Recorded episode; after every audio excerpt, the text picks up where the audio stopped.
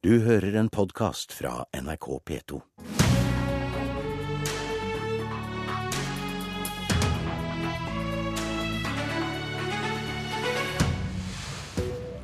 Hvis det ser ut som U-ordet og høres ut som U-ordet Kristelig Folkeparti går i dag ut med en advarsel til Erna Solberg.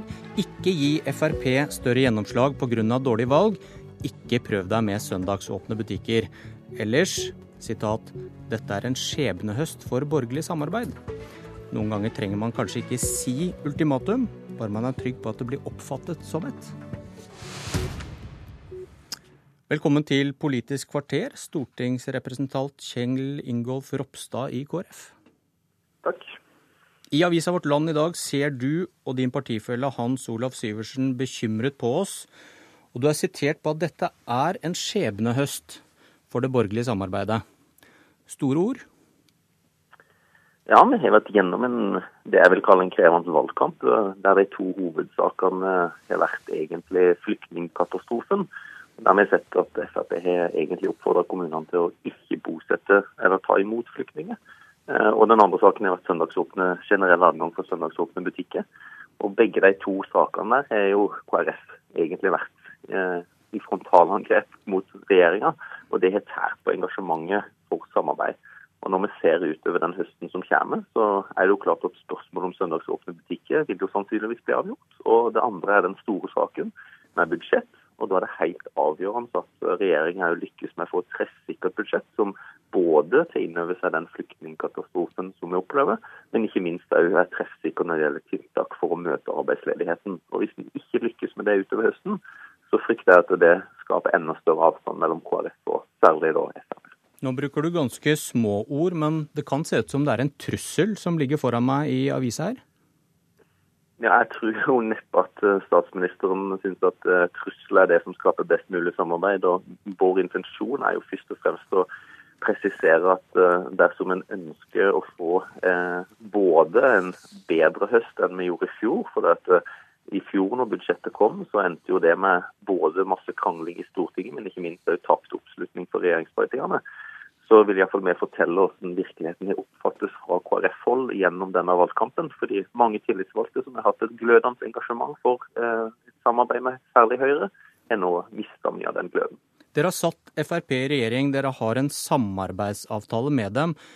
Men dere ignorerer Siv Jensen og snakker kun til Erna Solberg om Frp. Hvorfor det? Litt av eh, utfordringa her er jo at eh, Høyre sjøl kan ta noen valg. Eh, og det vi så med fjorårets budsjett, var jo at hadde de innretta det mer sentrumsorientert, hadde de sett litt mer hva som var viktig for KrF og Venstre, så er jeg helt sikker på at det budsjettet hadde gått lettere igjennom. Men hvorfor henvender du deg ikke til Siv Jensen? Fordi det er Høyre som kan ta mye av styringa her, men, men, samtidig kan vi òg si at Fremskrittspartiet må òg se hvordan landskapet ligger i Stortinget. Men jeg, men jeg, tror først og fremst så er dette mer et inntrykk av hvordan eh, KrF opplever landskapet. Og, og, kanskje du vil si at det er mange som forventer mer av Erna Solberg òg i disse sakene. og Det tross alt ligger nærmere Høyre. Og så må regjeringa ta sine valg til slutt. Det er nok av gode strateger i regjeringsapparatet, men, men dette er sånn stemningen har vært opplevd for KrF. Men hvis du var så opptatt av det borgerlige samarbeidet, kanskje det hadde vært en bedre strategi å skryte av det dere har fått til? Ja, og Det synes jeg kanskje er litt av hovedutfordringa. For eh, i budsjettet for i fjor så fikk vi gjennomslag for store ting. Eh, det vi skal gjennom nå i høst, eksempel, er at vi har fått gjennomslag for en opptrappingsplan for å bekjempe vold mot barn. Det kommer til å komme milliarder eh, på den saken. Men hovedutfordringen er at eh, når det er så stor uenighet på en rekke saker, så vil det overskygge de andre sakene. Og Derfor så vil jo vi si at nå har regjeringa et valg når de legger fram budsjettet. Hvis de f.eks. kommer med store kuttelser i formuesskatten, så vil det skape store utfordringer. Eller hvis de heller da velger kutt i selskapsskatten, som vi vet vil generere store investeringer og igjen arbeidsplasser, så vil det gå mye lettere gjennom Stortinget. Men når dere nå rykker ut i en avis med og kaller dette en skjebnehøst for borgerlig samarbeid, og vårt Land kroner det med U-ordet. At dere stiller et ultimatum. Dere, dere ønsker kanskje usikkerhet om det borgerlige prosjektet? Vi vil iallfall understreke hvor viktig sakene er. Særlig sak om søndagsåpne butikker har blitt eh, en stor, eh, en stor test på, for mange KrF-ere på om regjeringa ser hvor som er viktig for KrF. Eh, og Derfor så vil jo vi peke på at dersom regjeringa velger å kjøre gjennom den saken nå, så vil det skape enda større splid.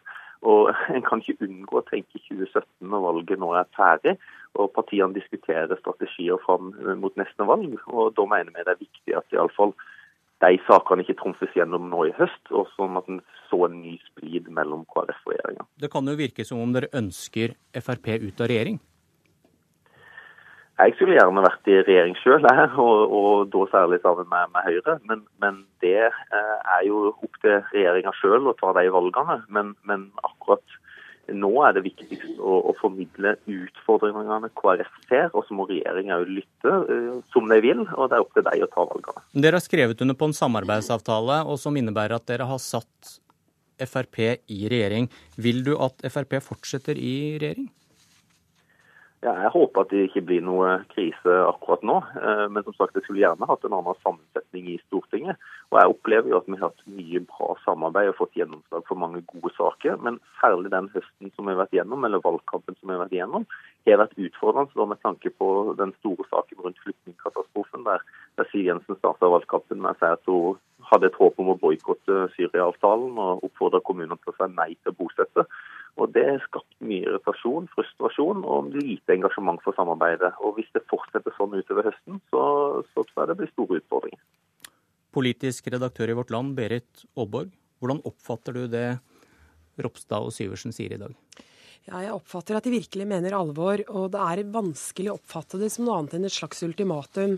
Og da særlig når det gjelder søndagshandelen.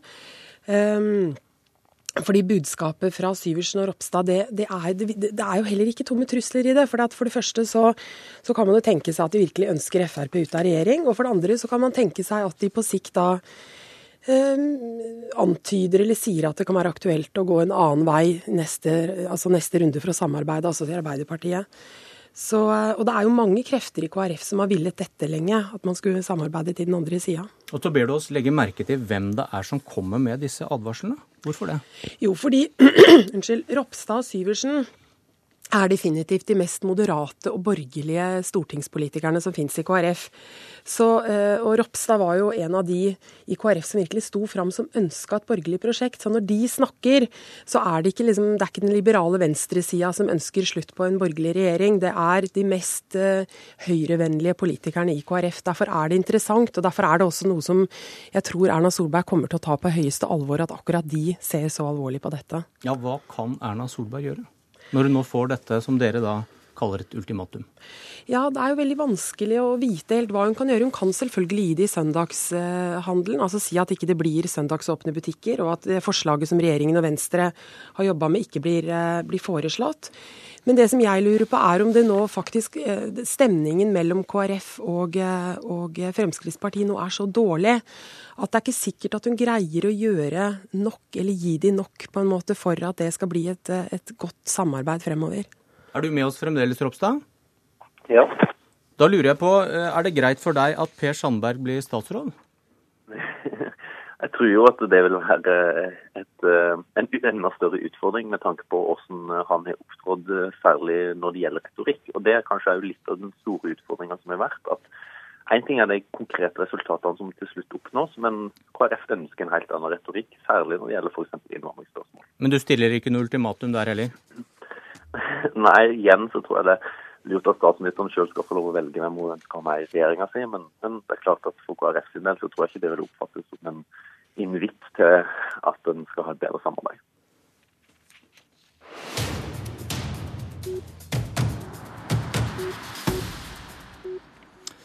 Kristelig Folkeparti samarbeider med Høyre, fristes av Arbeiderpartiet, og her kommer nok et tilbud inn døra. Arild Hermstad, leder av Framtiden i våre hender, velkommen. Takk for det. Forklar hva du mener med en ny grønn blokk i norsk politikk. Eh, det jeg mener med det, er at uh, vi ser nå at uh, miljøpartiene begynner å få litt mer oppslutning. Vi har fått et nytt uh, grønt parti som har kommet over 4% De Felles for disse partiene som er mest miljøvennlige, dvs. Si Venstre, Miljøpartiet, eh, SV og KrF, er at de er til sammen eh, Hver for seg er de ganske små, men til sammen så er de ganske store. Og til sammen så kan de faktisk utfordre de to andre blokkene i norsk politikk, nemlig den røde, som består av Arbeiderpartiet, og Høyre og Frp, som vi kan kalle for en blå blokk. Hvis de grønne slår seg sammen og inngår et forpliktende samarbeid frem mot valget i 2017, så kan de endre norsk politikk og gjøre klima til hovedsaken i 2017. Og så tvinge selvfølgelig de to andre blokkene til en bedre miljøpolitikk. Men ikke minst så kan de da utgjøre et selvstendig alternativ til å virkelig komme i gang med en klimadugnad. For det, det disse fire partiene vet, er at klimaet det haster mer enn alt annet. Og På sikt så utgjør det selve rammen for å drive annen politikk. Men hvordan i all verden skal denne blokken få flertall for noe som helst? Altså, eh, hvis vi ser på hva SV og Venstre har fått til eh, med de to blokkene de har deltatt i de siste årene, så har de fått noen små seire som har vært bra og viktige. Eh, men det store slaget, der har ikke de klart å få gjennomslag. Eh, og det tror jeg også fordi at man binder seg til den logikken som ligger i blokkpolitikken. Altså man lar den økonomiske politikken på en måte ha forrang. Altså det, det økonomiske politikken er jo skillelinjene stort sett. Eh, og det gjør at eh, man ikke oppnår den store omstillingen som vi må få til. Eh, Men du forklarer meg ikke hvordan denne blokken skal få flertall for noe som helst? Selvfølgelig må den da finne ut hvilken del av politikken som kan gi best klimapolitikk, og hvilken del av politikken som kan gi en klimapolitikk som fyller dette slagordet grønt skifte med innhold. Og vi vet jo at det finnes krefter både i Høyre og Arbeiderpartiet som ikke vil være fullt så grå som det politikken deres har vært til nå. Det fins eh, mange krefter i partiene som faktisk eh, kunne eh, dratt partiene enda bedre i en mer klimavennlig retning. Guri Melby, byråd for samferdsel og miljø i Oslo, og i Venstres sentralstyre fikk vi svar på spørsmålet om hvordan en grønn blokk skal få flertall for noe som helst? Nei, og det er vel det, det store ubesvarte spørsmålet i det her. Altså, jeg skjønner jo litt sånn hva, hvor Arild Hermstad vil hen, at man vil se på hvordan miljøpartiene kan få mer innflytelse. Og det er jo jeg også veldig opptatt av. Men hvis du da mener at uh, de tre-fire grønneste partiene skal stå sammen i en blokk, så mener jeg at vi får en blokk som da for det første spriker veldig på alle andre saksfelt, og også hvordan vi har tenkt å gjennomføre det grønne skiftet. Eh, og i tillegg så får vi da en blokk som ikke får gjennomslag for de sakene som man faktisk er enige om. Eh, for jeg tror jo at veien til å få store miljø- og klimagjennomslag er nettopp gjennom å inngå forpliktende samarbeid med partier som Høyre og Arbeiderpartiet. I Oslo så har vi nå sittet i byråd i fire år sammen med Høyre, og jeg mener at vi på den måten både har gjort Høyre grønnere, og vi fører landets mest ambisiøse miljøpolitikk med kraftig kollektivsatsing. Vi har levert en ambisiøs klima- og energistrategi. Så det er fullt mulig å få til god miljøpolitikk sammen med Høyre og Arbeiderpartiet. Det mener jeg vi også gjør på Stortinget. Men jeg synes jo at noen av de tingene som har skjedd den siste perioden, viser veldig godt hvordan en sånn grønn blokk ikke ville ha fungert noe særlig. For vi ser jo at I de sakene der Venstre har bundet opp regjeringa i forkant, f.eks. For på vern av Lofoten og Vesterålen, så får vi jo et stort gjennomslag. SV lyktes med det samme i den forrige åttiårsperioden. Men på alle de miljøsakene vi ikke har bundet opp Høyre eller Arbeiderpartiet, så finner de jo sammen. Eh, og Da sier de ja til snøscooterkjøring, ja til fjorddeponi i Førdefjorden og alt det her. Og dermed danne en sterk grå blokk. Og selv om da faktisk de grønne partiene stemmer sammen i disse sakene, så har vi jo null gjennomslag. Men, men altså, du forutsetter jo at klimasaken eh, kan vinnes med sånne små seire, mens den store politiske retningen i dag er at vi bygger infrastruktur som binder oss til utslipp 20-30-40-50 år frem i tid. Altså Det er oljesektoren som får lov til å fortsette å lete etter olje alle andre steder enn i Lofoten og Vesterålen. Eh, vi bygger infrastruktur, altså flyplasser, eh, motorveier, som også binder oss til eh, altfor høye utslipp langt inn i fremtiden. Og utslippene i Norge går altså ikke ned. Det gjør de i mange andre land. og det mener jeg at alle fire miljøpartiene har en forpliktelse til å anstrenge seg litt hardere.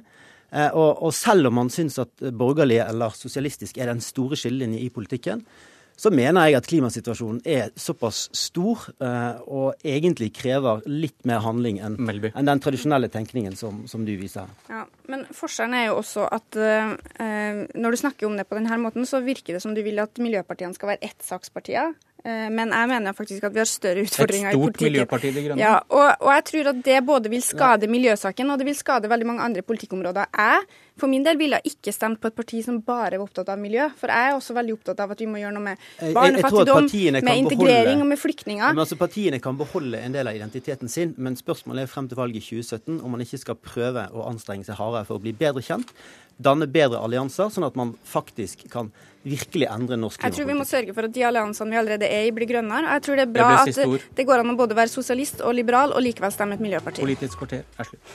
Du har hørt en podkast fra NRK P2.